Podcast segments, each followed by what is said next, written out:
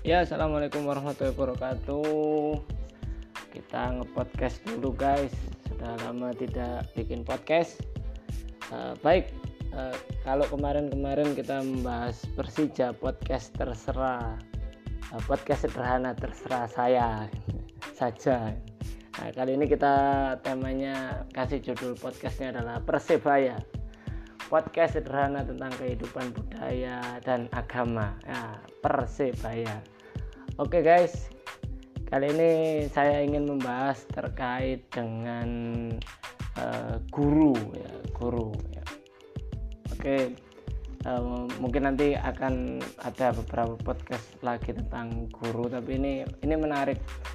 Uh, saya seorang guru dan walaupun bukan guru menurut saya sih saya bukan bukan guru yang terbaik gitu loh. Karena saya bu, nggak uh, bukan berprestasi baik tingkat kota kabupaten bahkan kecamatan sekalipun.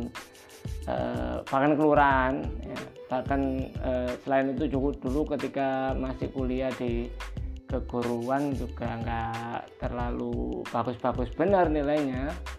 Uh, tapi uh, profesi guru itu uh, menarik menarik bagi saya. Satu uh, guru itu satu-satunya profesi yang bisa melihat uh, masa depan bangsa dan negeri ini. Weh, cuy, uh, tepuk tangan, cuy, cuy, cuy, cuy. Ya, karena apa? Uh, ini ini sebenarnya ungkapan bukan dari saya sih, ini dari ungkapan mantan Mendiknas uh, Pak Muhammad Nuh. Jadi beliau pernah mengatakan bahwa guru itu yang bisa melihat uh, wajah masa depan uh, bangsa dan negeri ini. Karena ya yang dia uh, yang dia temui setiap hari itu adalah uh, apa namanya generasi muda yang 5-10 tahun ke depan akan uh, menjadi apa namanya pemimpin di negeri ini menjadi uh, pemimpin bagi bangsa ini. Jadi kalau ingin melihat masa depan bangsa dan negeri ini ya kita lihat aja itu eh, para siswa. Itu yang pertama. Yang kedua adalah eh, guru itu memiliki apa ya eh, awet muda gitu awet muda. Bukan karena guru itu paham teknologi atau gaul itu enggak enggak bukan itu. Tapi ada ada sense ada rasa yang apa namanya eh, apa ya jadi guru itu tidak tidak mudah putus asa tidak mudah mutung atau bahkan eh, mungkin tidak ada rasa rasa pensiun di di dalam jiwanya gitu.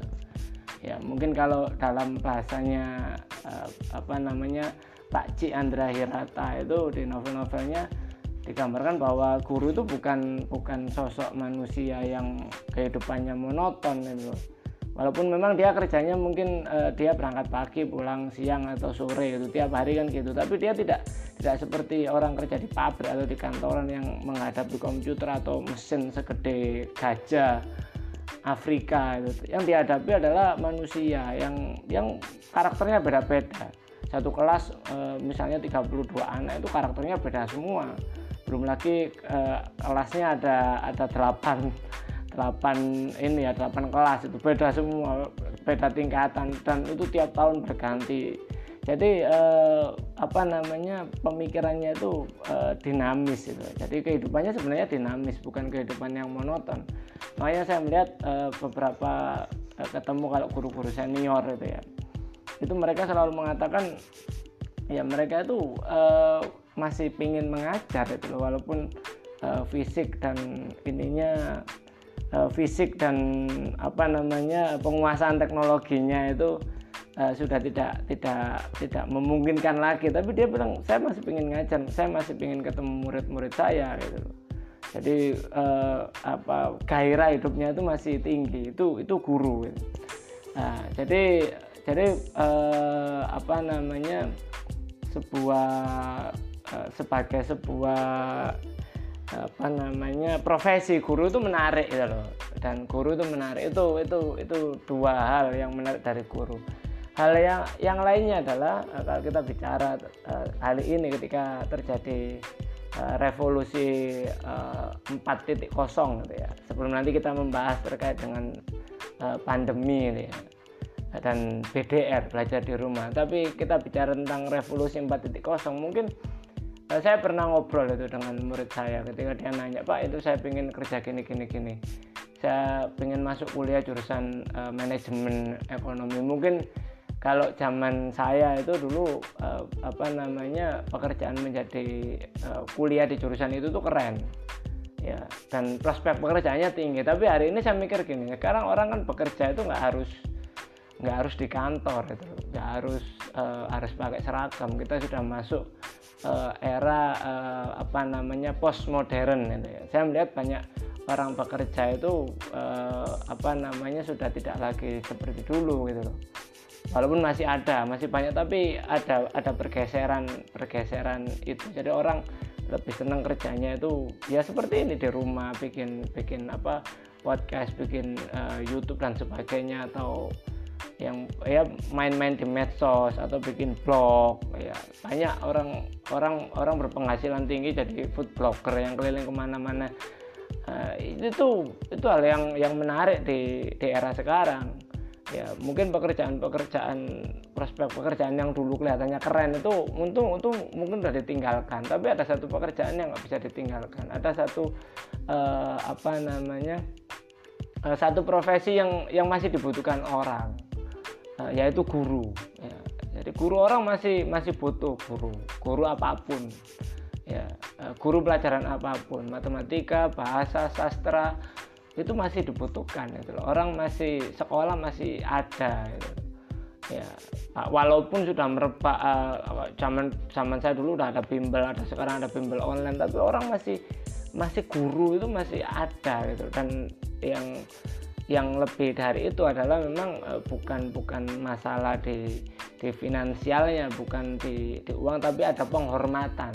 Ada uh, penghormatan uh, kepada profesi ini. Ini adalah sebuah profesi yang mulia. Jadi saya bilang ke menurut saya daripada uh, kalian masuk ke situ masuknya mahal sulit uh, dan e, ternyata ketika lulus tidak sesuai harapan karena mungkin di masa depan pekerjaan seperti itu udah nggak dibutuhkan lagi e, e, mending masuk jurusan guru gitu masuk e, masuk jurusan keguruan. Kelihatannya sepele tapi e, kalau di kota masih dibutuhkan apalagi di desa gitu loh.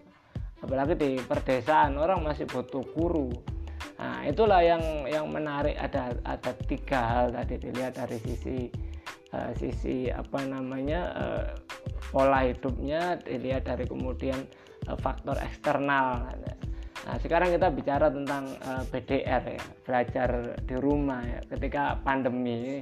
Ini menarik itu ya, ya jadi ada ada apa saling ketemu gitu.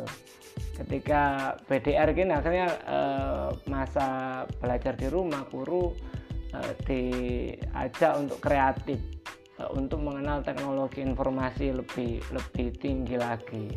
Nah, ini ada ada cerita yang menarik itu ketika uh, apa namanya uh, terkait dengan dengan hal ini gitu. Jadi saya saya tuh kalau sering apa ikut pelatihan uh, guru itu ya. Kalau ketemu guru dari sekolah-sekolah lain, ya, terutama guru sekolah negeri itu kadang-kadang agak minder, minder dalam hal uh, gawai yang saya bawa jadi saya hanya bawa HP ya HP yang ya HP inilah HP uh, eh, kelas menengah itu loh dengan merek merek buatan Cina itu dibandingkan guru-guru yang lain yang sudah membawa merek uh, Korea ya. Korea Selatan ya bukan Korea Utara. Uh, begitu juga dengan uh, laptop. Yang laptop saya itu yang laptopnya udah ya speknya aja spek rendah dan itu pun kalau dibuka uh, foldernya merah semua karena isinya film dan mini seri gitu. dibandingkan dengan uh, sep, uh, spek uh, laptopnya guru-guru negeri itu yang wah itu bahkan ada yang uh, laptop laptop khusus gamer itu ya yang speknya RAM-nya tinggi dan besar itu ya kadang-kadang ada rasa minder itu ya. tapi, tapi dalam hati uh, waktu itu ya waktu sebelum kita BDR kadang-kadang uh, lucunya itu eh, kadang-kadang apa ya karena ya walaupun gawainya canggih itu tapi banyak di antara teman-teman guru waktu itu yang yang tidak begitu uh, bisa menggunakan itu secara optimal. Ya jadi laptop itu mungkin uh, HP itu mungkin hanya tahunya buat WA saja kirim email itu sulit apalagi uh, uh, buat apa namanya download aplikasi-aplikasi uh, yang unik gitu ya nah, hanya itu atau Facebook atau mungkin hanya Instagram pun hanya kirim foto buat live IG mungkin masih bingung gitu ya. Karena saya sering itu melihat uh, ada guru-guru tuh minta bantu pak ini gimana nih ngirim email gimana? Nah, itu itu seperti itu terjadi. Begitu juga laptop laptop mungkin hanya dipakai untuk Word Excel uh, apa namanya uh, Word, Excel dan PowerPoint. Sampai ada ada meme-nya kan itu ada dibikin meme sama anak-anak itu sampai eh, ya Allah Pak Bu itu laptopnya untuk gamer tapi ternyata hanya dipakai untuk ngetik ngetik Word, Excel dan PowerPoint gitu. ya itu itu hari-hari itu gitu. tapi hari ini ketika uh, ketika kita dipaksa BDR maka guru-guru itu dipaksa sedemikian rupa untuk uh, menyelami teknologi informasi dan itu menariknya itu loh jadi saya ya, saya pun ya walaupun uh, ya tidak begitu ketinggalan banget itu akhirnya pada akhirnya uh, akhirnya bikin itu bikin bikin uh, YouTube bikin uh, uh, IG live, bikin IGTV, bikin podcast, ya, apa namanya bikin kuis di Kahoot dan macam-macam termasuk dengan Zoom dan sebagainya. Yang pada akhirnya memang uh, ya ini untuk untuk untuk mencerdaskan guru juga itu. Efek efek positifnya adalah ketika kita belajar di rumah itu uh, guru juga punya kesempatan untuk belajar. Ya untuk belajar. Maka uh, di di podcast pertama ini ya di di Persebaya edisi pertama ini maka uh, perbahasan terkait guru itu maka profesi guru itu sebenarnya sangat menarik gitu. Sangat menarik sekali. Maka uh, jangan meremehkan jangan pandang sebelah mata profesi guru. Ini menarik. Ini adalah profesi yang uh, mungkin uh, the best uh, profesi di dunia. Karena tadi ya kita kita menghadapi manusia yang kompleks bermacam-macam maka guru itu dia itu juga uh, psikolog dia itu juga bisa jadi chef bisa jadi barista bisa jadi uh, stand up komedian uh, bisa jadi uh, apa namanya profesor ya bisa jadi olahragawan bisa jadi artis dan sebagainya dalam satu waktu dalam satu momen ya. Itulah uh, apa namanya indahnya menjadi guru. Mungkin itu sedikit. Nah nanti kita bahas berikutnya sih bagaimana sih uh, uh, korelasi antara guru dengan murid. Ya itu nanti kita bahas di podcast berikutnya. Uh, sampai jumpa. Assalamualaikum warahmatullahi wabarakatuh